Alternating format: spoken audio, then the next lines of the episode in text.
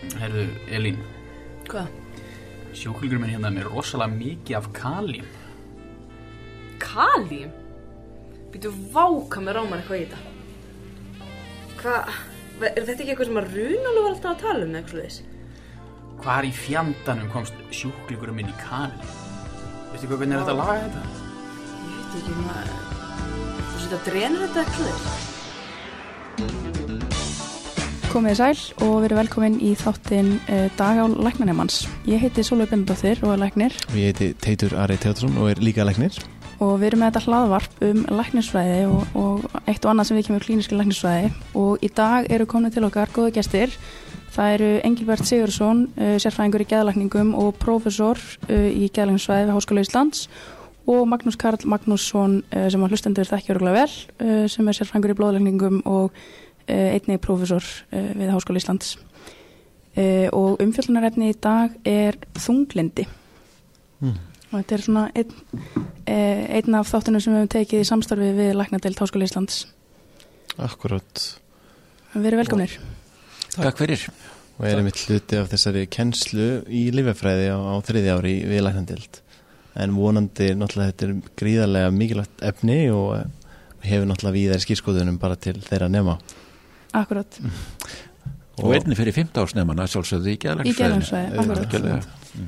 Já, vonandi myndi ég segja líka bara fyrir þá sem er í sko, eins og sérnámsgrunni og, og sérnámi í heimilislækningum, liflækningum, geðlækningum vonandi koma einhver sem að þetta fólk veit ekki alveg algjörlega Algjörlega. Og við ætlum líka að fara um viðan völl, tala almennt um þunglendi og tala um meðferðina og svona nýjungar í meðferð. En við kannski byrjum svona á almennum nótum og kannski að þú myndir bara segja okkur aðeins Engilbert, uh, hvað er þunglindi?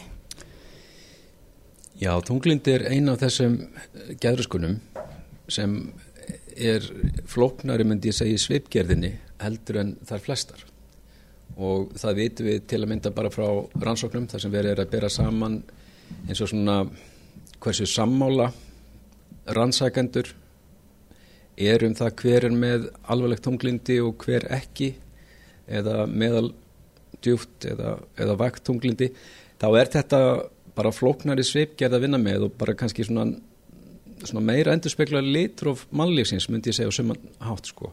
Þannig að svo kvöldu kappagildi fyrir svona interrater hérna reliability eða, eða hvað svona fólk eða hvað niðurstöðu fólk kemst það er kannski svona helmingi lagra heldur en til dæmis bara fyrir áfallastreitu svona rúmlega 0,3 á móti 0,6 rúmlega fyrir áfallastreitu í rannsóknum fyrir DSM-5 til að mynda. Og það gerir þetta svona aðeins flókið að því leiti að við þurfum að hugsa marga mismunagreiningar. Og, og þegar við erum að tala um þunglindi sem ekki svarar til að mynda meðferð þá þurfum að hafa í huga einn algengasta ástæðan til að mynda fyrir því að við setjum eitthvað á þunglindislif og hann svarar ekki meðferðinni gæti verið að við að vera með bípólur þunglindi það svarar ekki hefðböndum þunglindislifjum alla jafna eða ekki sérstaklega vel. Og uh, það er ákveðin hægt á að setja fólk í örlendi þá í framhaldi.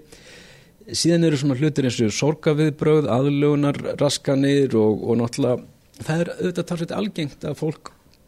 fara að glima við þunglindis að hana enginni sem er í reglulegri notkun á, á vímugjöfum. Áfengi náttúrulega algengasta svona vímuöfni sem er notað í okkar samfélagi og fólki í dagdrykju er mjög oft þjakað af þunglindi og vonleysi uppgjöf og það sem er öðruvís við það þunglindi oft heldur en þunglindi kannski sem að tengist áföllum sem er kannski svona algengasta leiðin inn í þunglindi hjá, hjá flestum það er að bara við það að, að hætta að drekka þá oft bara eftir tvær vikur og sérstaklega innan fjögra vikna er líðanin orðið miklu betur hjá þeim sem eru þunglindir í tengslu við neyslu á áfengi. Nú ef þetta er neysla á til að mynda örfandi efnum sem er að valda þessu tökum dæmi eftir amfetamin eða kokaintripp eða metilfelindatripp um helgi þá er fólk ofta eins og undin tuska og langt niður í kannski nokkra daga á eftir en svo skýtu því oft upp í, í framhaldi ef að það er ekki að nota áfram á, á svona dagljúum grunni. Nú svo eru náttúrulega þessi líkamlegu veikindi og það er tímalust algengasta mismunangareiningin sem þarf að hafa í huga það er vanstar sem er skjálkirtils og hún getur líka gert tunglindi verra ef hún er til staðar þannig að TSH-mælingar eru eitthvað sem maður þarf að hafa í huga fólk er ekki að svara Nú einnig sjáum við sérstaklega hjá eldra fólki að byrjandi heilabilun getur byrst með áberandi þunglindi sem ekki svarar sérstaklega vel meðferð og fólk vill auðvitað frekar vona að það sé þunglindi þá að ferðinni frekar heldur en heilabilun og, og hvort við ekki getur vissulega að fara saman en það er erfiðar að þunglind alltaf í, í meðhandlun heldur en, heldur en þunglindi vegna til að mynda áfalla. Heilablóðfull einnig algengt að sjá þunglindi eftir þau, bæði hérna vægt og upp í svæsið en þar er svörnin nú oft alveg ágætist þunglindislefja meðferð og reyna líka til dæmis eins og í Parkinsons sjúkdómi. Og þar vitum við auðvitað kannski betur um mengirna heldur en við annar staðar, það bara fyrir að skorta dopaminni þarna í substansíða nýkra og, og þetta er svona dæmið um það að eitt af þessum þremuru likil bóðefnum sem kemur inn í mjög flókin samskipti millir kerfa í heilanum að það, þegar það fyrir að skorta þá einhvern veginn verður ójafvægi í þessum kerfum. Og það er kannski best að hugsa um þess vegna þunglindi, bara unipól og þunglindi almennt held ég ef það þróast hannig að kerfi sem er að tala saman með ákveðinu líkil bóðefnum sem eru náttúrulega sagt, serotonin, noradrenalin og dopamin en líka glútamatið sem hefur verið minna að talað um í setni tíð að við höfum ekki líf sem hefur áhrif á það að þau það tröflast þessi samskipti sko. þetta er svolítið bara eins og allt í innu verði alltaf mikil umferð á einhverjum hlýðagötum hér í hlýðakverfunu þar sem við erum og, og það virki bara ekki að komast í skaftahliðina, Þi, þið veitir og þá var ekki hægt að gera svona þátt náttúrulega ef engin kæmisninga Nei, nei þið skiljið, þannig að þetta er ákveðin líkil svæði, þetta er náttúrulega möndlungurinn, hérna amygdala, þetta er það sem ég kalla svona ventral tegmental area sem ég veit nú ekki hvað heitir á íslensku lengur og hérna nucleus accumbens og svo svona dorsolateral prefrontal hérna kortexit sem er að tala saman með floknum efnaskiptum sem að við sjáum bæði í dýramódulum og hérna og svona út frá þeim in vivo rannsóknar aðferðin sem við höfum að, að þurfa að vera í, í, í lægi og ef að eitthvað þarna fer að tröflast að þá geta þessi enginni farið að koma fram og bara hugsa um, um þessi kjarnaenginni þá er þessi þrjú kjarnaenginni sem allir verða kannski að þekkja. Það er það að vera vissulega dabur dabur leiður þunglindur í yfirbræði þá getur maður sagt, það er kannski eitt. Og nummið tvö er að get ekki glaðsteins auðvitað eins og áður og finn ekki fyrir sömu áhuga kvötinni eins og áður. Og svo er það þriðja sem að ferrir kannski meðvituð um það er þetta orkuleysi, þessi opaslega þreita sem að kannski lagnanemar að því verum að kannski meðal annars að huga hér að lagnanemum fara frekar að tengja við eitthvað eins og krabbamein, járnskort, alvarlega bólkusjúkdóma eða heilkenni eftir veirusíkingar sem vissulega er, er þekkt eins og síþreita eða, eða ME en, hérna, en þetta er bara miklu miklu algengara. Og á hverjum tíma í, í, í hverju samfélagi bæði Vesturland og annar staðar eða veist með einhverja þúsund einstaklinga þá ertu kannski að finna þunglindi hjá einhverjum svona 50 til 100 þannig að þetta, er gífurlegt svona líðhelsu vandamál og við erum ekki að sjá í Evrópu að nema kannski mestalagi helmingur af þeim sé að fá eitthvað sem heitir gaggreinda meðferð á einhverju tólmánaða tímabili þar sem þau voru að glíma með alvarlegt þunglindi þannig að leiðu það verið að hafa mikla ráðgjör því ef við sem að nota mjög mikið og alltaf meira og meira þunglindisleifjum sem er vissulega rétt þá þarf að hafa í, í huga að það er bara ábúslega mikil heimill á lífsgæði og getur fólks til þess að sinna verkefnum lífsins sem að náttúrulega er allt frá því að vera að hugsa um sín börn og sína nánustu að vera á þessum stað. Og það sem er líka öðruvís og erfiðari fyrir þunglindi heldur en flesta aðra kvilla er að það er hluti af slæmu þunglindi, alvarlegu þunglindi að hafa ekki trú á því að það sé hægt eða gera neitt í þessu og þess vegna sækir fólk ofta ekki, þunglind fólk ofta ekki hjálp. Og svo voru náttúrulega þar sem miklu fordóma, þeir eru minkandi en þeir eru náttúrulega samt ennþá til staðar, bara mestir oft á einstaklingnum sjálfum. En ég held eins og yngri kynsláni í dag ef að fólk svona byrjar að tala við fólk í, sínum vinahópum og, og þarfram til gödunum þá er fólk almennt hvað til þess að leita sér hjálpar og það þykir bara orðið sjálfsagt. Það þótti kannski ekki sjálfsagt þegar við Magnús Karl sem erum jafn gamlir vorum í grunnskóla, mentaskóla eða háskóla. Þá, þá voru alveg greinilegi fordóma kakvart því. Þannig að einmitt þrátt fyrir að við séum að skrifa út svona talsvöld mikið af þessum livjum er alltaf verið að reyna að halda fram þá er einmitt helmingunum fólki sem, sem ætti að vera á livjum sem er það ekki eða er ekki að fá að grinda meðferð eða ekki hugræna atvellis meðferð þetta, er, þetta er ekki tölur frá Íslandi ég vona að töluna sé aðeins herri kannski en 50% á Íslandi en mér finnst afar ólíklegt að við séum bara að ná að meðhandla alla innan fjögura vikna sem er að glýma við alvarlegt tunglindi ég held bara, þið sjá líka en það eru byðraði náttúrulega mjög og byðlista mjög víð eftir að komast í meðferð og það sem maður þarf að hafa lík í huga það eru þetta, hver er oft leiðin inn í þunglindi, áföllin eru kannski að vega þingst almennt og þetta er eins og ættarsaga, fyrirsáðum þunglindi og kvíðan hegð vega talsveit mikið. En það sem að er að gerast líka lífræðili í heilunum er að streyta langvinn streyta hún er að hafa trublandi áhrif meðal annars á bara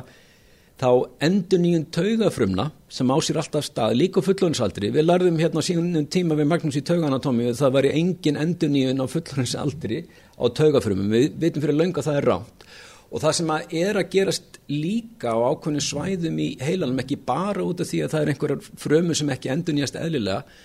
að þegar það er mikil samfelt streyti við lengri tíma, að þá dregur úr bara nýmyndun á, á griplum, þið vitið, bara og, og, og, og internefrónum fækkar og við getum sagt sko þegar að í cerebral cortex þegar að börn fæðast þá er talað átt um að séu kannski svona í, já, hver taugafröma sem er alltaf svona 2-3.000 taugafrömu sem tengist henni, sem er að hafa áhrif á hana og hvernig hún virkar, hversu auðvitað hún getur mynda bóðspennur og þar frem til göttunum svo bara fjölga þeim á næstu árum og og þegar að hérna, við erum með nokkur ára barn þá er það kannski búið að fimmfaldast það sem er að þessum símum og, og griplum og, og tengist hverri sko, taugafrömmu í kortex og hvað veldu því hvort að þessar internefrunu tengjast og, og er að senda bóðið ekki? Það er hvaða örfun barni fær. Er svona geta til að mynda krakkar sem að eru á munaðileysingja hælum þróað enkenni sem að þau hefði ekkit fengið annað sem minna bara á engverfi út á skorti á félagslegri örfun. Og, og síðan áfram í gegnum lífi þá, þá sjáum við að, að sem sagt, fólk getur stundum orðið fast í, í munstrum sem að leiða til þess að ákveðni kjarnar, meðal annars þeir sem verður að tala um áðan en líka fleiri, eru ekki að senda bóð eðlilega á milli og það þarf að snúa því við. Við vitum um músar og músamótunum til að mynda frá hérna gamlum Nobelsvölin að hafa Japana Tony Gawa að hann var að vinna með mís hérna fyrir nokkrum árum í Japan og þunglindi og hann gæti séð það að hérna með því að tengja ákveðin ljósnæm prótein við frumur á svæði hjá kallkynsmúsum sem að virkiðust almennt þegar að hérna þeir voru eiga svona skemmtileg samskipti sem að kættu þá við hitt kynið, svona einhver leikjatengt samskipti að með því að örfa þær frumur að þá liftust mísnar þannig að þær fóru aftur að leika sér og aftur hafa áhuga því sem þær höfðu haft áhuga á en mist tímabundið og aftur hafa meiri kjark til að takast á við erfið verkefni. Því það er hlutu því sem gerist líka í þunglindi að við svona, við missum sjálfströstið og, og, og hættum að trúa einhvern veginn okkar eigin mati og það verður bjagað á neikvæðan hátt og við förum að skinja hvernig lífið hefur verið áður of neikvætt því að þannig virka bara minni hjá okkur að þegar að við erum í lægð þá eigum við greiðari aðgang að neikvæða minningum og lífið er erfitt einnig í nútíðinni og við vörpum þessum minningum úr fortíð og þessari erfiðu reynslu úr nútíð inn í framtíðina og erum þess vegna með of neikvæða væntingar um það hvernig hún verði. Og þetta er kannski það sem er svolítið unni með í svona haugrætni atverðlismeðferð. Þannig að svona í grunninn þá kannski er fólk, hefur það mis mikla áhættu á því að fá þunglindi á lífsleginni, getur verið byrkt á erðum og ymsum þáttum Já. og svo þessi þættir sem að koma upp bara í lífinu, sorg, áföll, Já. streyta uh, og líkamlegi sjúkdómar líka, allt eru þetta þættir sem að geta þá ítt manni yfir í Já. þunglindi. Já. Þunglind er svolítið bara lífið sjálft sko. lífið er bara fullt af áskorunum lífið er aldrei auðveld það er bara, það er miservitt og við erum kannski misfærum það bæði erðafræðilega og svona sálfræði og félagsfræðilega að takast á við það. Mm -hmm. og þú talar einmitt um þessa röskun á bóðefnum og þú nefndir þarna serotonin, noradrenalin, dopamin og svo glutamat líka. já. um, og þetta eru svona þessi kannski helstu livja uh, skotmörk, ekki satt? Jú, nema við höfum ekki haft neinn góð livja skotmörk sko fyrir glutamatið þar til bara frekar nýlega og það gerist eiginlega bara með því að það eru gerða rannsóknir á meðferða þráu þunglindi svona upp úr síðustu aldamótum, bæði unipóla þunglindi og bípóla þunglindi og verið að prófa það meðal annars ketamin út frá einhverjum svona observasjónum og sögum um að það gæti haft þunglindis hérna, meðhundlandi áhrif og, og það kemur í ljós að ketamin vissulega hefur slík áhrif. Það vinnur í gegnum NMDA viðtaka. Það eru svona jónofóriskir glutamat viðtakar sem hafa áhrif á kalsíumflæði inn í frömur og eru ótrúlega úbreytti. Það eru kannski algengustu örfandi viðtakarnir í, í heilanum ef maður skoðar á svona heilaskönnum hvaða viðtakar eru út um allt það NMDA viðtakar og hérna og það sem kom í ljós í þessum, þessum rannsóknum sem hefur verið síðan unnið áfram með alveg í svona 15-18 ár það er að við fáum oft verulega svörun til að byrja með þegar við gefum einhverjum annarkvort ketamin dreipi og svo er ketamini líka komið núna sem S-ketamin í hérna svona nefúða. En það skrítna við NMDA virkinina þarna miður við það að vera að spila á hinn bóðöfnin dopamin, noradrenalín og serotonin er að það er eins og við náum ekki að lifta mjög mörgum upp úr þessari gæðurlagt sem að þau eru komin í og við þurfum síðan að gefa eins og dreipið þjættar og þjættar hjá mjög mörgum. Og þegar þú hættir að gefa það þá koma enginin meira aftur heldur en gerist með hinn, hérna, hefbundnari þunglindislefin sem eru oftar að ná að lifta fólki upp úr einhverju lagð ef við orðum það þannig. Og, og það sem er síðan náttúrulega allt, allt öðruvísi eins og við höfum verið að sjá alveg upp á síðkasti og það hafa náttúrulega margir séð þess að sílósýpin umræði í fjölmjölum er að þar verðist bara eftir eina gjöf af 25 milligrum á sílósýpinni verða breyting sem að varir mikið mikið lengur og hlýtur að byggjast á, á einhverjum varanlegri endur tengingu á millið svæða og hvernig þau tala saman heldur við náum að sjá með, með ketamini og hvoru tvekja er spennandi á sinn hátt en þá eftir að vinna meira náttúrulega með, með sílósýpinnið en það má líka ekki gleyma því varandi þessi hefðbundnari líf sem er að vinna með þessi klassísku eina mína hérna taugabóðefni að uh, þau eru kannski flest svona almennt álíka virk en þau eru með talsveit frábrúðin auka og milliverkana profil og það má segja ok, þegar maður er hugsað um það ákvaði lífa maður að setja eitthvað tannig einstaklingi í upphafi þá maður að setja viðkomandi á líf sem hann er líklu til þess að geta tekið því að ef hann getur ekki tekið lífinni í nokkra vikur út af aukaverkunum þá mun lífið ekki tjálp honum. Og, og það er þess vegna held ég ekki tilviljun að það eru ákveðin livjaflokkar og ákveðin liv sem hafa svona reyns sigurvegar ekki bara hér á Íslandi heldur líka í heiminum eru meira nótuð og það er vegna þess að þar fyrir þetta kannski best saman. Nægilega góð virkni með nægilega þólanlegum aukaverkana profíl litlu með að næri engum milliverkunum og öryggi á meðgöngu bara svo ég, þú veist og, og þetta er líklega ástæðan fyrir því að sertralín er bæði hér og viðs hver annar staðar held ég mest notaða lífið á hverju markaði í dag og það er eitt af þessum SSRI-lifjum sko. mm -hmm. Ég vil langaði aðeins að koma inn á talar um þessar geðlægðir og talar um þetta mjög algengu sjúkdómur, hérna 100 af, af 1000, 10% á hverjum tíma. Já, það er kannski af, af konum kannski, það er aðeins læri hjá körlingi, það er svona milli 5 og 10% kannski, já, er ekkit ólgengt að sjá, misalvarlegt vissulega. Sko. Akkurat, en, en er þá, hvernig er gangurinn, fólk sem fær einu sinni svona geðlægð, er þau, fá þau yfirleitt frekar í geðlæðir þá setna á lífsæfinni, eða eru margir sem kannski fá bara eina geðlægð eða þunglindi yfir yfir æfiskeið og jafna sér svo bara á því og kannski í tengslu við einhver áföll eða sorg og komið inn á þetta Já, þetta er nefnilega þetta er svar, sko, svar við þessu fyrir aðeins eftir því hvað hópa þú ert að horfa á. Ef þú hóp, horfir á hópa sem hafa komið í sérhafða meðferð á ganguteldum háskóla sjúkurása í bandaríkjónum og fylgir þeim eftir þá þá mun á 15 árum meir en 50% þeirra, ef þeir eru eldir uppi,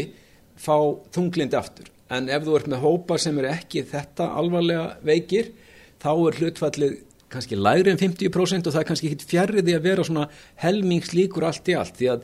þunglindi í kjálfara áfalla er jú til dæmis að skýra út svona 15-20% á líkunum og því að þunglindi komi hérna til dæmis á næst eða þar næsta ári. Áföllin sem betur fer er ekki alltaf að koma en, en, og þau eru miserfið og koma miserfið um tímum líka í,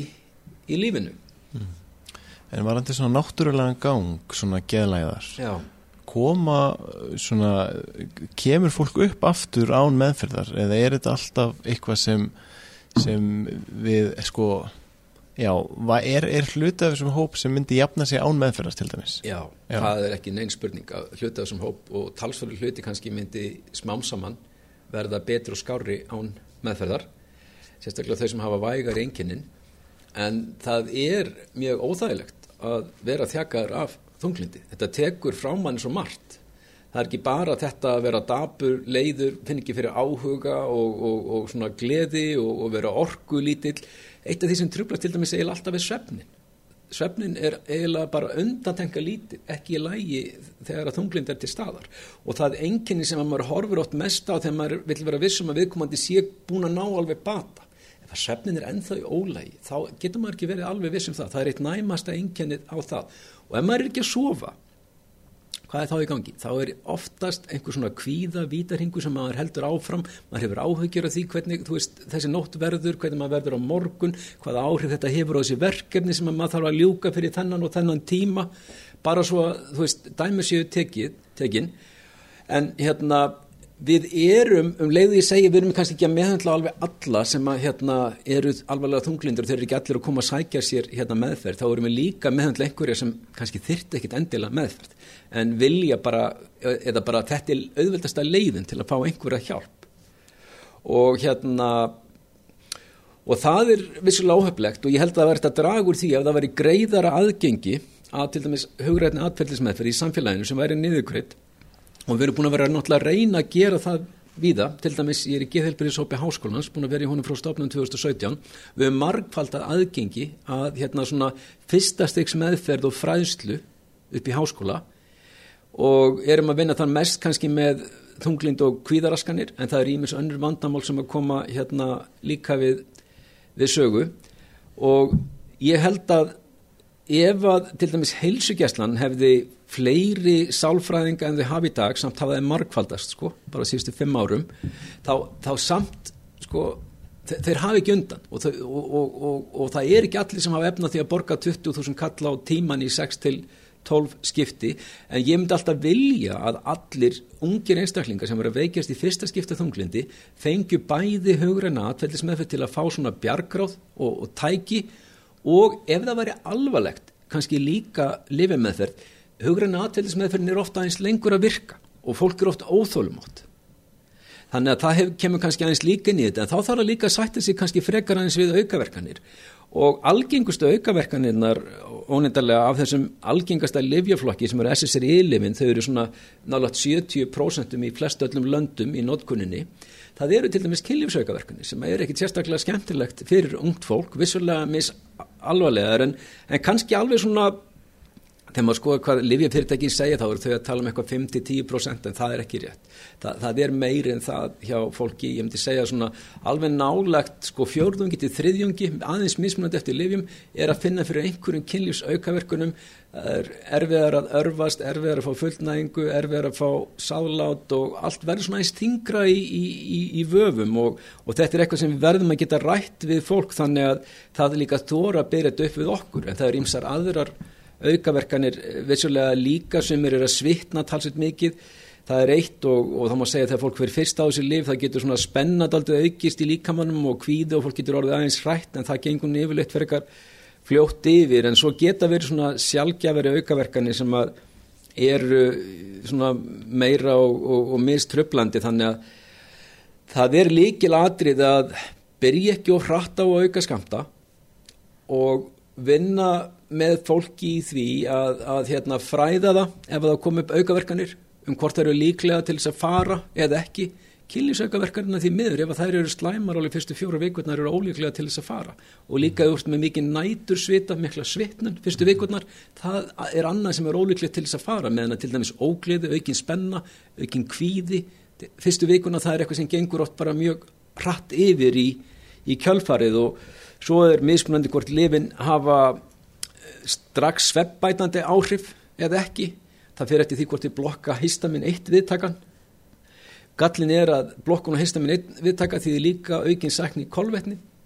sem þýðir að það er meira hægt á þingdarökningu þannig að það liv sem gerir þetta mest það heitir myrtasipín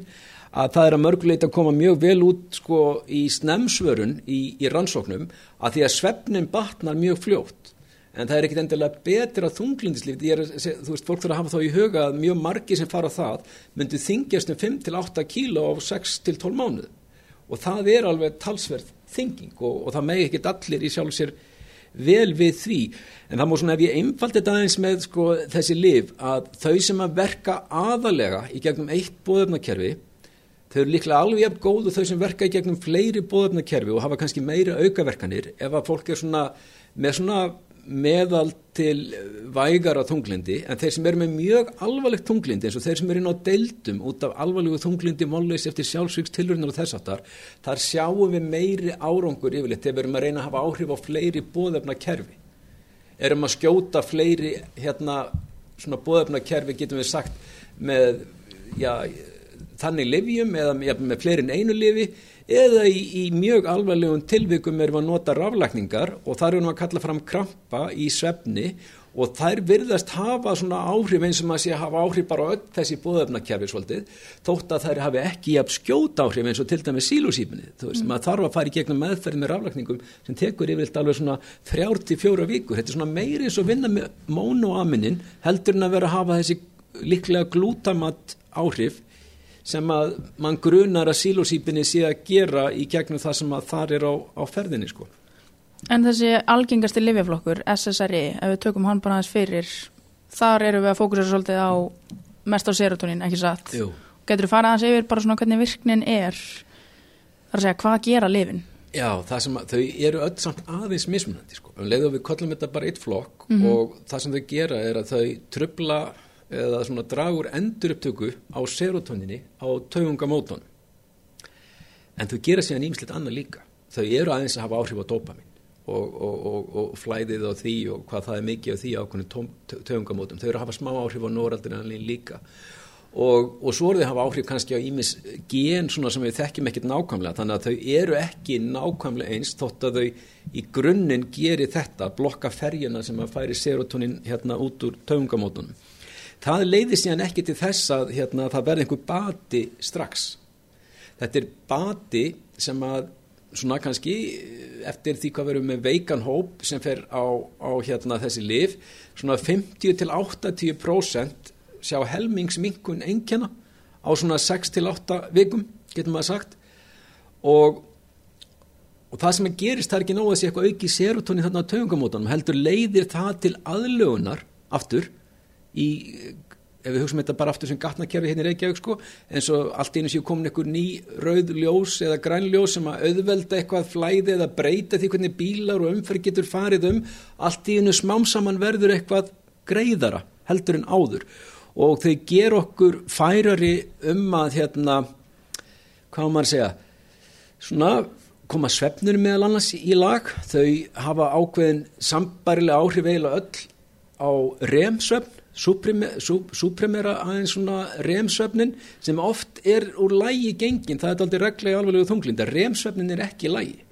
og bara ef ég skýti aðeins að í þessu samhengi að þá er gömul leið áður en lifin komu og er notuð á einstakastað ennþá í dag að meðandla þunglindi að vekja fólk alltaf upp bara setni part nætur klukkan þrjú á nóttinni það hefur hérna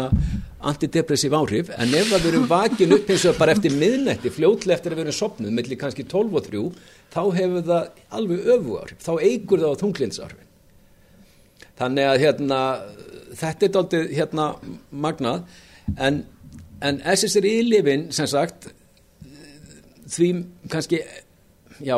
það, eitt af því, því mikilvægasta sem að þau gera held ég líka það er þetta að auka streitu þólakar og þau hafa áhrif á kvíðaraskanir. Þau hafa öll mismikil áhrif á kvíðaraskanir sem ansi mikil og önnu kannski aðeins minna.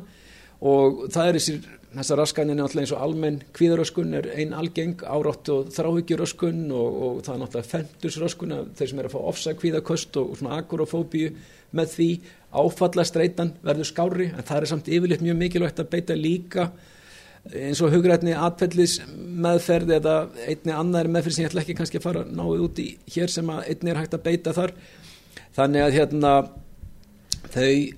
en þau hjálpa mjög mörgum að lifta þeim upp úr, úr læðinni og, og það er gott og mikilvægt ef að fólk er að byrja að svara að vera þólimóður en, en það er svona góð vísbendingum svörun ef að við sjáum svona 20% minkun engjana á skölum sem við erum að nota á fyrstu tveimur vikunum.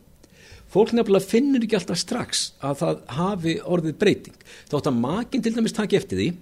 þá er fólk stundum bara það langt niðri að það á ekki auðvelt með að meta. Það er bara ennþá erfiðum stað. Og oftast fyrir fólk ekki upplifa það sjálft fyrir en eftir svona þrjár til fimm vikur myndi ég segja. Að það er svona sæmilega samfært en ef að skalarnir eru klálega að sína það og þeir sem eru umgangast mest viðkomandi þá myndi ég ekki vilja vera að rugga bátnum því ef við erum að auka skamtinn eða ef við erum að bæta við öðrum lifjum þá erum við kannski að fá einhver smá aukin áhrif en við erum líka að fá auknar aukaverkanir og aukna hægt á milliverkunum og þið minnum hvað ég saði hérna áðan besta þunglindislifið til þess að byrja á almennt í meðferð er þunglindislif sem viðkomandi mun geta tekið til mánada því við erum almennt að hugsa um sko, eitthvað sem fyrir alvarlega djúpa gæðalag hann þarf að taka lifið í sex mánuði eftir að hann er búin að fá svörun, helmingsmingun engina og svo trappa maður það út. Og flestir eru þannig að maður þarf að trappa þau út á svona 2-4 vikum nema kannski helst flúoxetín sem er með langan helmingunatíma og er með umbrótsefni norflúoxetín sem er með mjög langan helmingunatíma líka. En ef maður eru að skipta á milli sama flokks eins og innan SSRI flokksins þá getur maður gert það bara býstna hratt þar. En það er eitt líf sem er erfiðar en hinn ef maður er að taka það í burtu það er paroxetín það er með mjög stuttan helminguna tíma og talsverðar andkólverkar, aukaverkanir með við hinn og sami gildir um SNRI lifið hérna velnafaxin að ef maður lendir í vandrað með að trappa þessi lifi út á fjórun til sex vikum að þá getur maður sett inn flúksetín bara í lokin í staðin og svo trappa það út í framhaldi. Það er svona trygg sem að virka stundum ágætlega en, en hérna en þessi flokkur er allstað mest notaður og það er ekki vegna þess að það sé eitthvað brjáluð markasetning lengur í gangi. Þetta er alltaf orðin samhættarlif í dag. Það kostar bara 1500-2000 kall að taka svona lif á, á mánuði og mörg samhættarlifi fyrir það að framlega þau, við erum ekki að kaupa þetta lengur sem sérlif, það er bara, það er bara búið, það er bara þau, þau hafa í heldina bara alveg ágættis profíl, þó má segja eitt er, er aðeins öðruvísi hvað varðar kannski fólk á fjöllifja meðferð eða fólk með hérna já, eða við getum sagt kannski fleiri neitt, það er eiginlega kannski 2-3 sem hafa betri hérna profíl ef það er fjöllifja meðferð, það er kannski já, það er hérna það er sítalopram og esítalopram sem var mjög litla milliverkanir og hafa þessna verið notað nota mikið hjá eldra fólki. Sertralin hefur líka mjög litlar milliverkanir. En það sem er smá vandamál og ég ætla nú að nefna það náðan varandi sítalopramið, uh, frekar en er sítalopram sem er bara vinstri enantjómeran þarna á sítaloprami, það er að ef það eru hjartasjúkdómar eða sérstaklega hjarsláttar tröflanir, þá er meiri hætta á kútja lengingu í tengslu við sítalopram. En segjum sér svo að sítalopram sé bara liv sem virka rosalega vel fyrir einhvern einstakling sem er með þunglindi og áróttu þráhyggjuvanda það þarf oft háa skamta þar. Það þarf oft alveg 60 milligram kannski að sítalopra myndi maður þá bara alls ekki vilja setja ná það aftur? Nei, ekki endilega, það var það sem virkaði fyrir hann og hann þóldi vel, en þá myndum við bara vilja taka EKG og fylgjast bara með áhrifunum á, á kútíbilið og við myndum einnig horfa það er hann að taka önnu liv sem að lengja kútíbilið ef við meðum ekki panikar út af þessu kútíbilið þetta eigur mjög lítið áhættuna á hérna hjarsláttröflunum en vissulega gera þetta í einhverjum svona undantekninga tilfellum. En, en stundum er hérna ringt í mann þegar maður er með ráðgjafavaktina ég nýbúin að vera með ráðgjafavaktina í viku og einhver, já ég meit hérna á sertralíni sem að, hérna er með hjartasjúkdóm og ég var aðeins að googla þetta hérna með, með hérna með sertralín og ég fann hérna tvö case report og geti haft hann áfram á þessu sko case report bara segja eiginlega ekki neitt. Maður getur fundið case report fyrir eiginlega hvað sem er í dag. Sertralín er líklega örugasta SSRI-lifið með tilliti til QT lengingar af þeim, af þeim öllum. Þannig að fólk er stundum farið að verða finnst mér aðeins of, of hrætt sko. Síðan má bara aðeins bæta við þetta að SNR-lifin eru einnig að hafa áhrif á endurupptökuna á á serotoninni en svo bætist við sérstaklega þar í herri skömmtum að þá bætist við meiri áhrif á noradrenalín endurupptökuna. Þá erum við að fara, fara að tala um þessi lifi venlafaksin og dúlósitín. Já, þá erum við farin að tala um þau tvö. Í SNRI floknum. En, en ég er að velta fyrir mér einmitt þessu first line meðferð, eru við alltaf þessi SSRI. Já. Um, en, en ef það er engin, sko, ef ert með upp á skamt og fólk er ekki að svara, kannski Já. á þreim, fjórum vikum, eitthvað svo leis, Já. og þú ert kannski að nota eitthvað svona skor og tala vættikana og það er Já. allir sammála um þessi engin svörun. Já. Eh, hvað gerir maður þá? Myndiru, myndiru auka skamtin? Myndiru reyna að skipta yfir í annað SSRI-lif? Er ef eitthvað svara til dæmis ekki einu SSRI-lifi, eru lí, líkur á að það svari úr sko, öðru úr sama flokki? Sko, það fyrsta sem ég myndi gera það eru komin að fjóra vikur og engin merkjum svörun er að ég myndi þurfa aðeins að hugsa, þú veist, er ég að missa af einhver hérna? Er þetta rétt greining? Er þetta örgulega unipóla greining? Mm. Er einstaklingurinn að taka lifið daglega? Það er auðvilt að taka lifið í viku en það er ekki eins auðvilt í, í tvær, þrjár, fjórar vikur og ég myndi líka vilja hugsa um það sem er kannski algengur tröflandi þáttur það er ef við komum að nota áfengi, mm. róandi lif sterk verkjalif eða eitthvað af þessu og hefur kannski ekki satt mig frá því því að það hefur tröflandi áhrif einnig á, á meðferðina ef að ég væri bara samfærinu það en þetta er unipólar þunglindi og það er engin svörun og engin af þessum tröflandi þáttum til, til, til staðar og, og, og, og ættingjar eða maki staðfesta, það er engin svörun. Þá yrði ég svona aðeins að hugsa ok, hvernig við komum þetta að þóla lifið ef hann er að þóla það mjög vel og þetta væri kannski sertralin sem ég hefði byrjað með og, og það verið talsvölu kvíði með eða ég vil kvíða röskun með þá myndi nú bara gætnan fara yfir í aðeins virkara SSRI-lif eins og esopram. Kannski gera það bara að því að það eru aðeins minni aukaverkanir heldur en ef ég fer yfir í til dæmis flokka eins og SNRI-lifin mm. aftur verið samt að segja ef að viðkomandi verið mjög þunglundur verið inn á deilt hjá mér og eitthvað veist, þá geta alveg komið til greina að skella bara inn einhverju aukarlega með ef ég yrði fljóttan á árangri og ef að það væri eitthvað þarna líka eins og kannski alvarleg áfallastreita tökum bara það sem dæmi eða verulegur árátt og þráhyggjumandi þá væri ég gert ná að fara að auka skamtinn herra og fyrr, þannig að þetta er ekki alveg sko Þá viltu fá meiri serotonin Þá viltu fá meiri serotonin blokkun og, og, og, og svona taka hana meira í skipulögðum skrefum og þá þarf ég alltaf að fara svona upp í hæ, hæsta svona tertilið í, í skömmtunum sko. þannig að eins og til dæmis sertralín sem ég var í vennilega að nota 50 til 100 milligram af, þá myndi ég vilja fara upp í 150 og jafnvel 200 milligram. Mm -hmm. En hvenar myndir þú fara að hugsa um þú verður með hennan flokk SSRI sem við byrjum með, hvenar myndir þú fara að hugsa um að skipta yfir í aðra livjaflokka? Jú, það væri sérstaklega ef að það væri ekki neinn svörun ef að viðkomandi var ekki að þóla lifið, segjum bara kannski ok, þurfti ekki að vera eitthvað svakalega svæsið þunglindi en þú verður með ungan einstakling kemur í helskeisluna, fer á sér lif og, og er lítið eða ekki að svara og finnir fyrir miklum kynlisaukaverkunum mjög ósáttu þess vegna, ekki líklu til þess að halda áfram þess að taka lifið, er SNRI þá góðu flokku til að fara í? Nei, SNRI er bara með mjög svipaðan profíl þarna, hvað var það til dæmis kynlisaukaverkanir þannig að þá þyrfti ég frekar að fara að hugsa sko ok, hvaða liv kemur til greina sem eru miklu ólíklegri til að vera þarna tröflandi? Jú, það eru til dæmis myrtasipin sem ég hef búin að nefna á þann, en það veldur svona óþarfa slæfingu oft, þótt að bæti svefnin fljótt og það einhver matalistina sem að fólk er misrifið af og á misauðvelt með að halda þá þingdurreikningu niðri, en það er liv þarna sem heitir, heitir búpróprjón eða velbútrín retard sem að hefur bara engin tröflandi áhrif, til dæmis á kynlífsmálin, en það, það er aldrei svo að öll líf hafi allt. Það getur valdið insomni. Það getur valdið svefnvanda sérstaklega í herri skamtum og þess vegna þarf að fylgjast með því. Og hérna og það má segja sko maður þarf að auka skamtana í svona tveimur til þremur þrepum þar sem gerir það pínulítið erfiðara. Og það er raun að liv sem hefur verið notað talsveit líka bara á móti svona aðtiklisbresti með svona smá lindisröskunar einkennum eins og maður sér oft í ADHD og, og heimilislækna geta þess að skrifa það lif út þurfi ekki að fara í gegnum geðlækna upphaflega þar og það getur verið getur verið kostur, en það er þessi insomnia sem er hérna smá vandamál og þýðir að við, að því að svefnin er svo oft vandamál í þunglindi, að við notum það sjaldan sem eina lifið, þarna myndi ég kannski frekar í dag hugsa um lif sem er aðeins nýra, heitir Vortioxetin eða Brintelix og hefur bísna góðan heldar profíl, ég kalla serotonin modulator, þetta þarf alltaf að heita heit eitthvað flottum nöfnum, sko, en þetta hefur áhrif á margskona serotonin viðtaka og, og verðist hafa litla tilneyingu til þess að hafa áhrif eins og kynlífsmálinn það er síður svit, svitnun sem, sem vandamál, síður þingdar aukning heldur en við sjáum af, af, af sömum livjum í, í floknum og bara almennt með mjög svona viðnandi prófíl en þú þarfst eins og að borga meira fyrir það. Þú þarfst að hafa prófað einhver önnu lifa undan til að fá lifjaskýrtinni mm. annars kostar þetta lif í dag ef ég maður rétt einhverja svona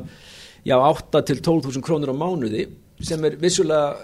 kannski svo lítið en mun minna heldur en til dæmis bara, bara helmingurinn af einum sálfræðitíma sko. En þetta gildur um bæði velbúdrein og satt? Það þurfa að lifa skýrtinni Já það þurfa að lifa skýrtinni til þess að Þetta eru dýrlif til að fá niðurgrösluna Já, ég myndi ekki segja velbúdrein var neitt sérstaklega dýrt liv og, en það er, það er gamalt liv og, og, og hérna, það er ákveðin kostur við velbúdrein sem hétt líka sípan áður að sem sípan verða markasett til að hjálpa fólki að hætta að reykja mm. þannig að ef að það er eitthvað sem fólk vil vinna með þá er þetta að slá þar raunar tvær flugur í, í einu höggi sko. En ég held eitthvað með einn að velbúdrin hefði sagt, ekki kynlífsaukaverkanir af því að það hefði minni serotonin áhrif heldur en hinlefin Jú og það, það er þannig, það er ekki SSRI lif það vinnur allt öðruvísi, það vinnur ekki en dopamin og noradrenalin En vortjóksetin, það er svona serotonin mótuleitur með Jú. þá mikil serotonin áhrif eða hvað Já, en á aðra viðtaka og minni sko blokkun á þessari ferju Já. þannig að blokkun á þessari ferju er talin kannski vera svona nær 30, 40, 50% meðan að fyrir hinlefin í SSRI-flokknum það er kannski nær því að vera 70-80% mm. en það aukast vissulega áhrifin að þú ferð að hækka mikið skamtana Já, en sumir svara bara mjög vel eins og 10 milligram um að Brintelix eða Vortioxetin sem er bara skamtur sem almennt þólist hérna mjög vel og Ég hef haft nokkra einstakling á því sem hafa verið mjög viðkvæmi fyrir SSRI-livjum, alls ekki þóla til dæmis klómipraminn sem er hérna gamalt þrýringalif, kannski öflugasta lifið ef það er árótt og þráhyggjuröskun og líka mjög öflugt liv í alvarlegu þunglindin á geðdeldum. Við notum það mikið hérna í gamla daga á geðdeldinni á borgarspítala að gefa klómipraminn í dreipi þar bæði fjöxtu livja áhrifin og svo sannlega þá bara trappaði upp frekar rætt en svo bættist við þessi placebo þáttur og þú varst að fá hérna alveg beint í æð og ganga með stati. Ja, þið veitir, það er alveg og við skulum ekki hlæga placebo áhrifum í þunglindi. Þunglindi nefnilega er með miklu sko, meiri svörun við placebo heldur en flest allar aðrað geðraskanir það er mjög lítil placebo svörun í, í svæsinni svona árátt og þráhyggjuröskun það er mjög lítil placebo áhrif í alvarlegri maníu eða í, í alvarlegu geðrófi en það er alveg svona 30-40% sko svörun við placebo sem væri að það veri helmingsminkun á, á einkennum á sex vikum í svona vægu til meðalþungu þunglindi. Akkurat. Mm.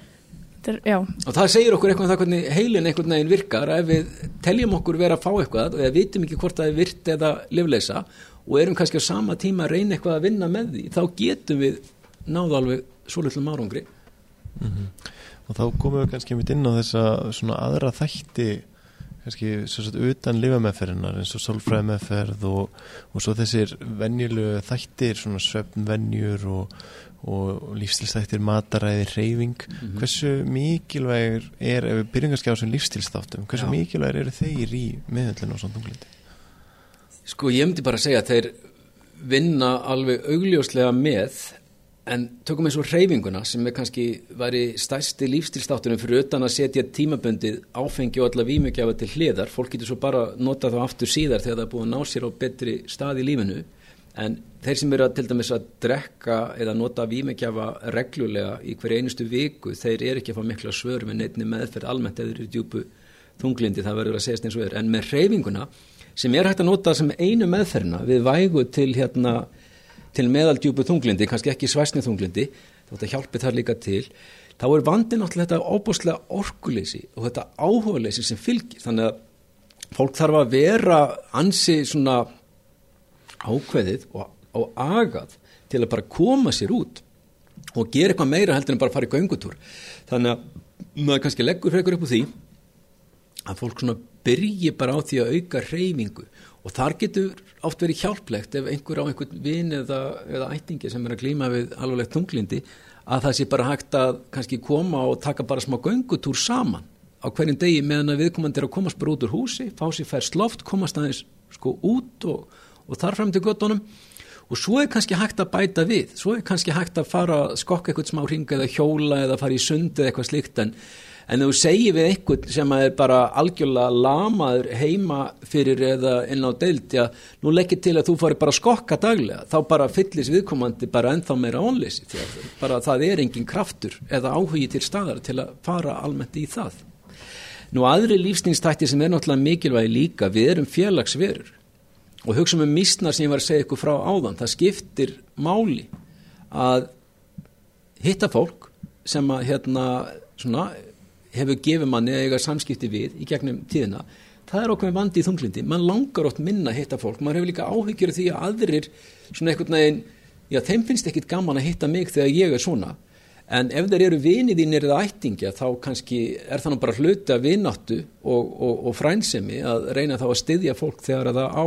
erfitt í, í lífinu. Þannig að það eru þetta mikilvægt. Og að þú veist að tala um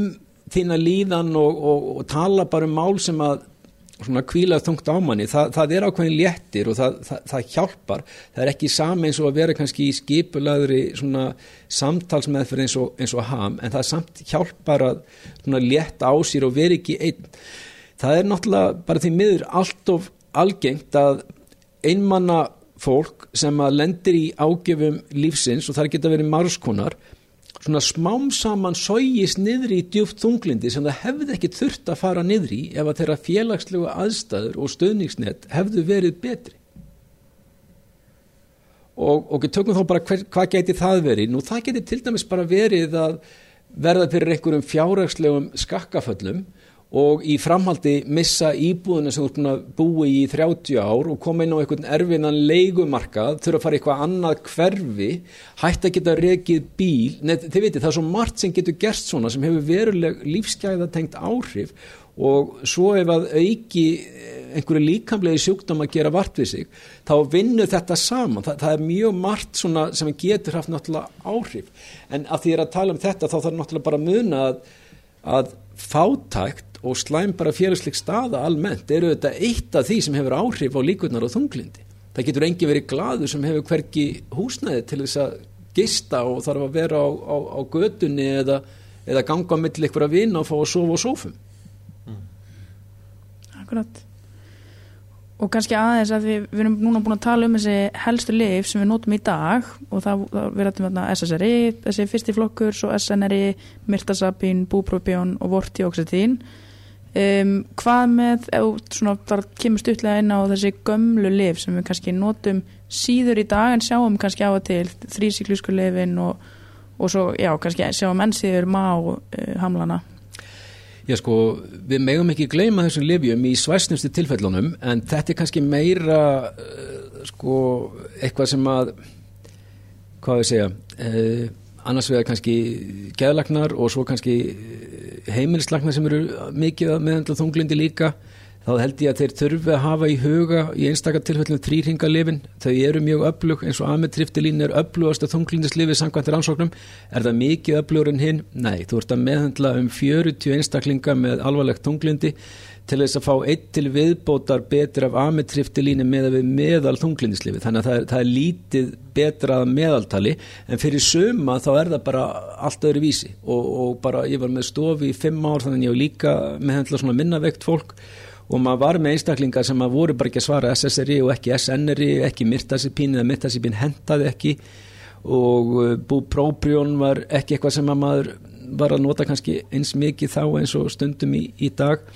En bara það að trappa þá aðmetriftilín upp í 100 til 150 milligrum gæt bara gert alveg ótrúlega kraftaverk fyrir fólk en það eru meira aukaverkanir. Það er nú vandin sko. Og, og það er hræðslan líka að fólk tekur áskamt af þessum lifjum að þá valdi þau alvarlegum hjarsláttartröflunum þannig að þetta er eitthvað sem til dæmis gjörgjæslu svæfingarlagnir eru mjög lítið hrifnir af því þeir eru að sé það margar alvarlegar eitranir og hjarsláttartröflanir eftir tökum þessara lifja sem eru kannski eins og ametriftilin meira notustundum bara í vefjagikt og, og, og verkjarsyndrómum myndi ég segja í, í dag. En það má ekki gleyma þeim og í mjög svæstnu þunglindi með áróttu þráhyggjengjunum eða bara í mjög svæg, svæstnu áróttu þráhyggju svona röskunar veikinda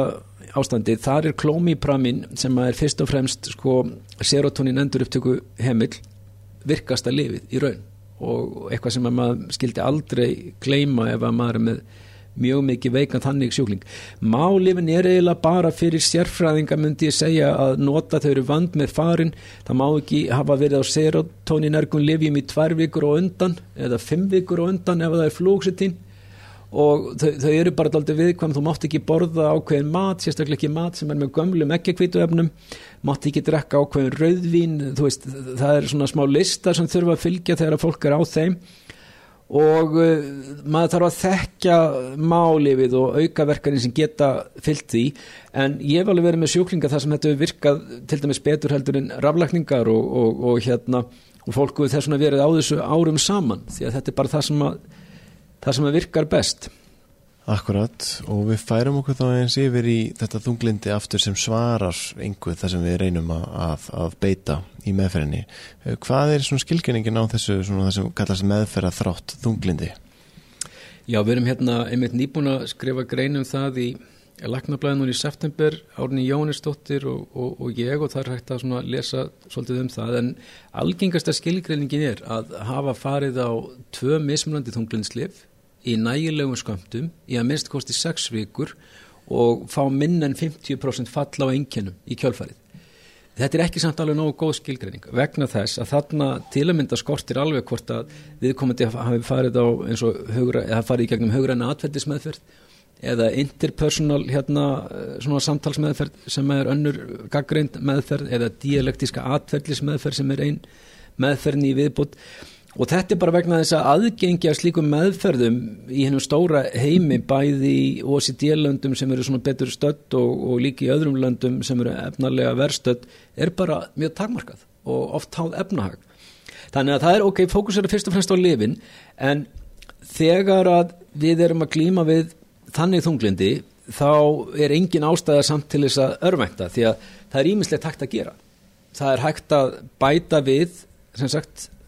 þunglindislifi sem að hérna og verið með tveggjalifja meðferð sem setja í gangi eða þarf þetta að velja þunglindislif sem að hefur öflugan profíl eins og til að mynda bara já, eitt verið að fara yfir í SNRI-lif eins og mellafaksin í háum skömmtum annar verið að fara kannski yfir í þrýringalif í ágændum skömmtum.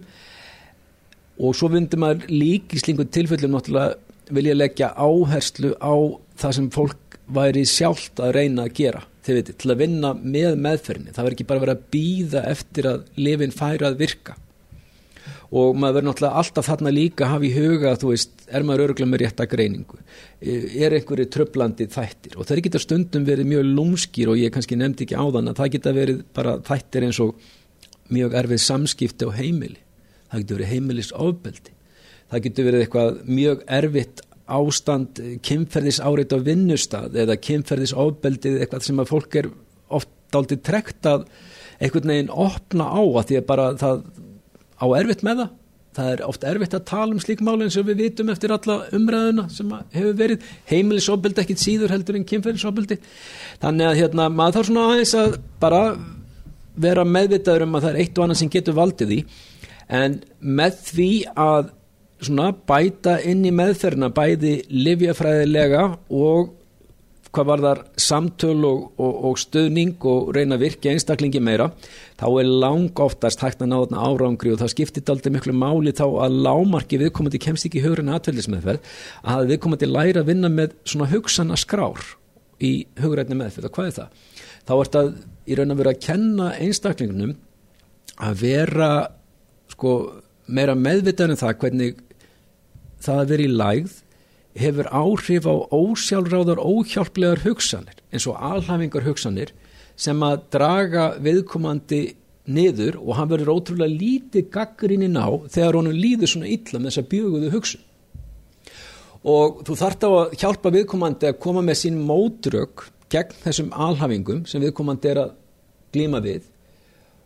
og endur meta þær þegar hann er búin að fara í gegnum gagn eða mótrökin og, og laga sína, sína aðlaganir, laga sína áallanir síðan svolítið að því sem er hans niðurstaða, hann, hann kannski trúi því bara 90% að hann sé bara slæmur pappi eða sé lélugur læknir eða klúður öllu sem verkfræðingur. Þetta er skiljið?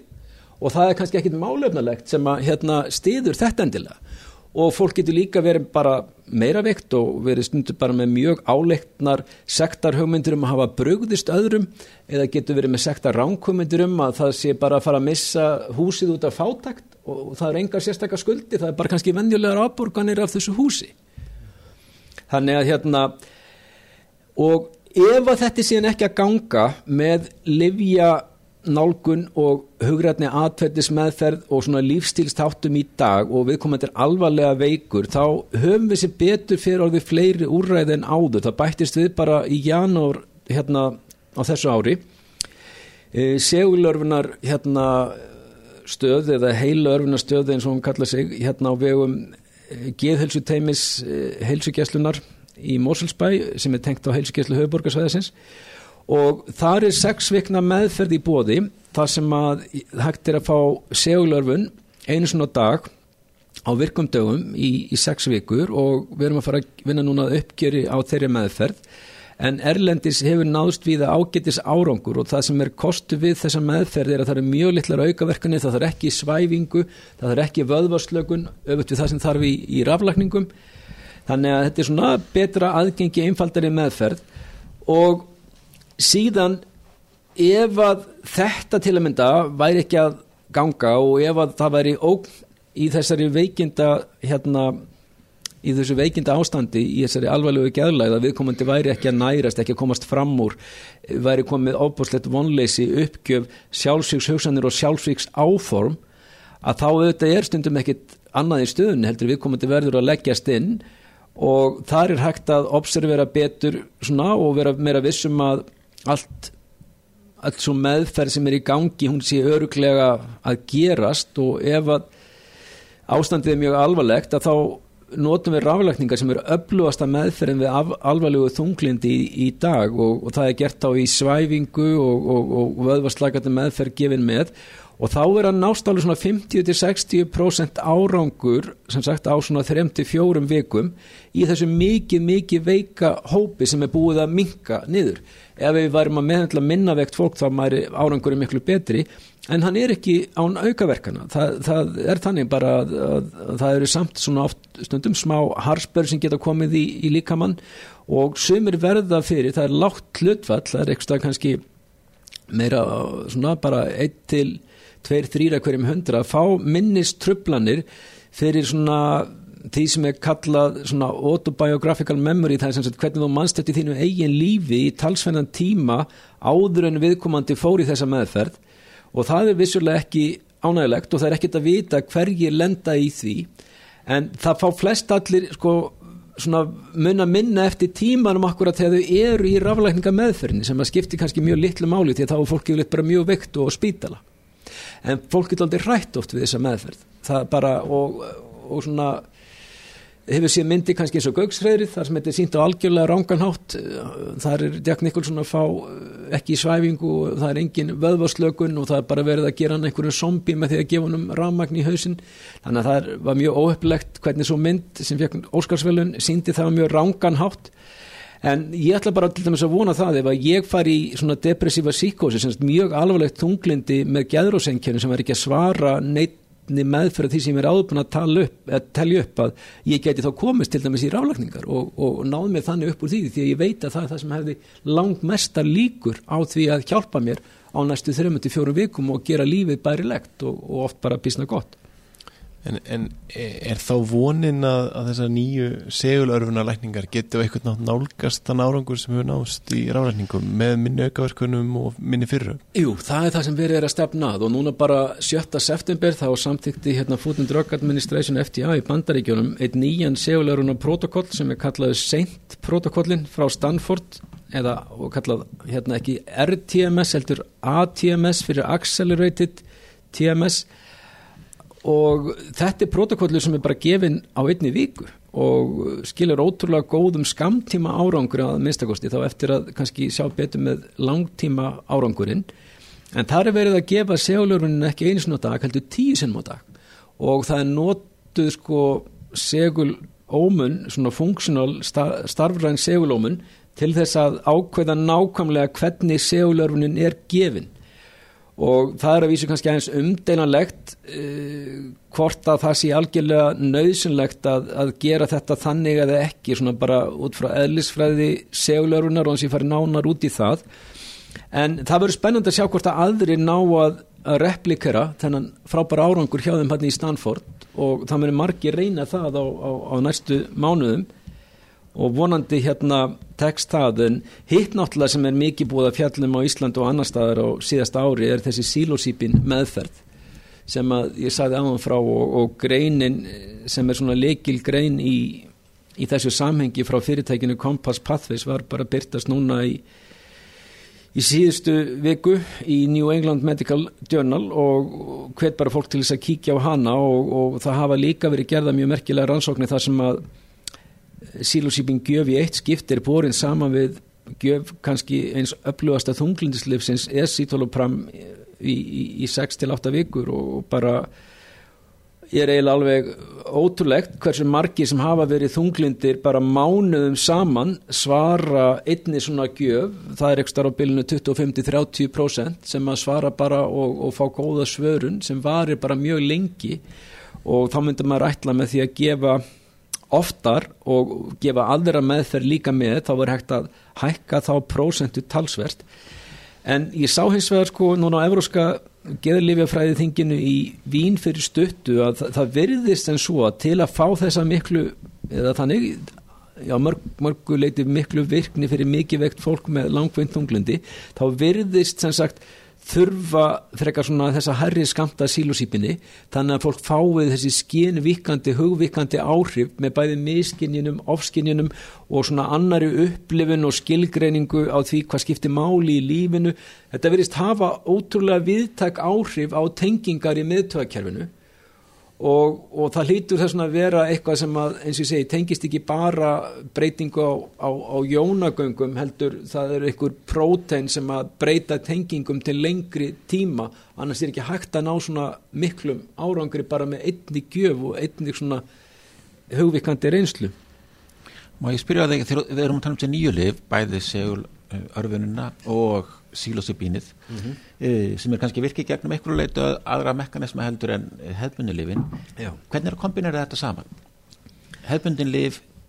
og nýju meðferðinar Já sko það er ekki komin reynsla á það að gefa sílosípin eða tengd efni, skulum við segja með þessum hefbundinu lifjum ég hef ekki séð neina góða rannsóknir af því bara samanburð það sem eins og esopram var notað og, og sílósýpin eh, borið saman sagt, eh, það er hins vegar komin aðeins mér reynsla á að nota ketaminnið og es-ketamin nefúða með öðrum livjum og það verist í mörgum tilfellum alveg í sjálf sér ganga. En e, það sem er erfitt bara sem að segja þess að er með þennan es-ketamin nefúða hann er ótrúlega dýr. Svo meðferð kostar bara alveg eina til tvær miljónir og uh, þegar farið er að skoða helsuhagfræði mótilið á bakvið það þá verðist nú vera físilegra að gefa það bara gamla ketaminnið í dreipi miklu ódýrara og kannski öðvöld er að stýra því einnig. En þá þartu samt að hafa uh, bæði að, aðstuð á dagdild eða á innilíkjandi legudildum þar sem að hjúkunarfræðingar geta verið að gefa þessi dreipi og við gerðum þetta í eitt ár á sínu tíma á dild sem hérna ég var yfirleiknir yfir og Július Sjópkar læknir var með þá nokkru svona sjúklinga í eitt ár. En okkar reynsla á svona legudeld af því að vera að gefa þetta í dreipi var að þetta var mjög vinnukrefjandi fyrir hjúkunarfræðingana og þótt að bættist við svörunina til að byrja með þá var eins og fólk þyrti síðan alltaf að fá dreipin þjættar og þjættar og það er það sem er að því að verist aðeins öðruvísi kannski með esketamin og ketamin heldur en með hérna sílosípinni að uh, þú ert ekki að ná einhvern veginn að lifta fólki eins upp úr þessari djúpu læg eins og þú getur gert með já, hefbundnari þunglindislefjum og, og svo aftur hérna náttúrulega hérna raflækningum og, og að þér verðist núna líka meira þessum segulörfunar meðferðum. En það er sem sagt margt sem er búið að vera að gerast og það sem ég veist áhugavert á þessu þingjöð út í Vín er að öll þessi sílosípin og tengdu efni þetta er sko og árangurinn sem að þeim getur fyllt ekki bara í þunglindi heldur líka tengslu við áfalla, streitu og jafnvel fíkni, vand og fleira er að það er mjög mikið aukin áhuga á dýramódulum aftur sko. Og hérna og livjafyrirtæki eru á fulla að setja pening aftur í þennan geira sem að þeir voru mjög lítið gefin fyrir að gera því að það átt erut með að finna liv sem að skiljuðu hagnaði sem er jú fórsenda þess að livjafyrirtæki hafi kannski áhuga. Og bara núna í uh, september þá var búið að skrá yfir 300 sagt, klínisk træjul með þessum efnum. Og mörg lififyrirtæki sem koma við sögu. Þannig að þetta auðvitað vonandi skilar aukinni framþróum bara í gegnum alla þær rannsóknir sem er að fara núna á stað bæði klíniska rannsóknir og dýramódel og ég samátti sílósipínið og kannski einn að þróa nýlif tengt þessu, eru menna hókusera fyrst og fremst á NMDA viðtakana Nei, þetta eru, þetta eru, þetta eru sko sílusífni verist hafa meira áhrif sko, ketaminni hefur meira áhrif á NMDA Fyrirgefðu, já, mhm. en, en sílusífni verist vinna upphálega meiri gegnum kannski opna ampa viðtakana okay. en, en sekundert hugsanlega e, og líklega koma metabótrópiskir hérna klútamat viðtakar Mhm. sem eru líkan tengdir hérna meira við sögu en það er auðvitað ekki komin eitthvað fullkomin skilningur á því, á því ennþá. En það er náttúrulega þá vonin og það verður reynd að þróa efni sem að hafa sama árangur sem sagt í förmið sér ef þau eru gefin en, en leiða kannski ekki til þessarar skinvíkandi og hugvíkandi reynslu sem krefst þess að einhver sé með þér alveg í 5-8 tíma og það sé undirbúið í eitt eða tvö skipta á undan og svo sé verið að hitta þér reglulega eftir. Þetta er hansi dýr meðferð ef við hugsaum með það bara einhver fagali þarf að vera með einhverju meil í heilan dag. Það er ekki hægt að afkasta mjög miklu heldur þannig. Þannig að maður þetta vonast til þess að, að hérna að það takist en, en enn sem komið er virðist þetta vera það sem að þarf. Það, það sem að gerist er að sílósýpinnið er brotinir í sílósín sem að virkar, virkar sko 5HT2A sem að serotonin 2A viðtaka sem eru mjög víða í, í heilanum og út frá því fer þessi skinnjun að breytast og þessi tilfinningarlega líðan að, að breytast á mjög magnaðan hátt. Þannig að þú ferði þetta ferðalag sem að fólk segir að sé mjög oft bara einhver mesta reynsla sem það hefur nokkuð tíma gengið í gegnum. En ekki alltaf góð reynsla sko. stundum er fólk líka að rifja upp mjög erfið áföll og þetta reynir stundum mjög mikið á fólk. Og þótt að oft verist að geta verið hjálplegt þá eru alveg dæmum svona slæm hérna tripp eins og það er kallað á ennsku svona ferðalög þar sem að já, fólki veitir ekkit af hjálp við að upp, já, í gegnum þetta og vinna úr þessu eftir á og, og, og hérna og ég man bara sjálfur eftir því vinnandi í London í sex ára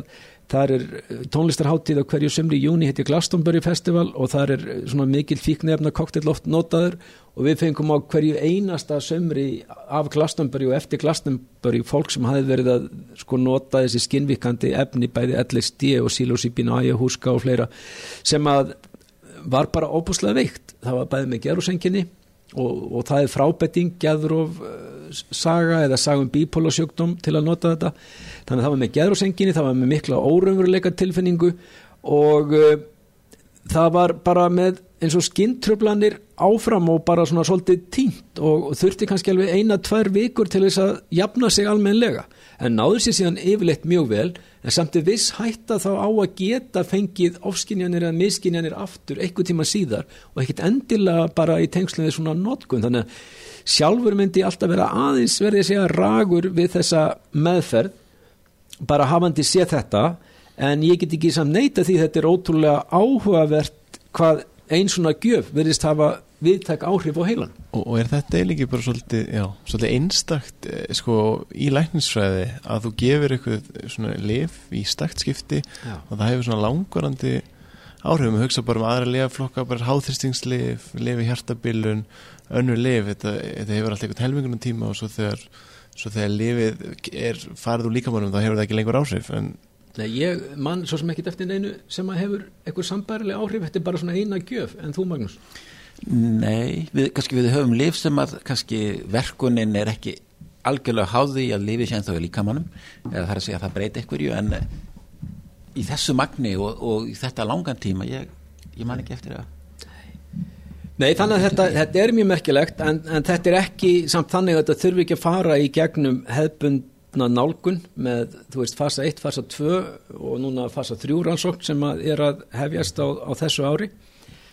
Og við bara verðum að sjá hvernig það þróast. En þetta hefur leitt til mikillar insbeitingar í rannsóknir og mikillar fjármunna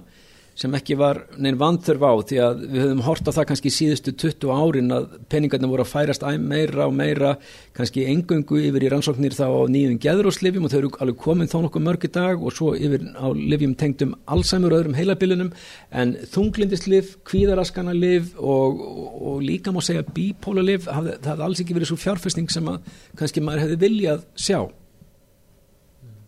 Akkurat, það er margt spennandi gerast Já, ég held að sé að segja það. Frábært. Já, ég heldur við þá gert bara þessi efni greiðanlega góð skil, þetta er greiðanlega flókin sjúkdómur sem bæði spilar inn á eitthvað svona biológi og svo bara svona heila psychosocial, bara áföll og hvernig lífið eitthvað neginn hvernig lífið snýr við þér á hverjum tíma og svo erum við búin að fara yfir þessa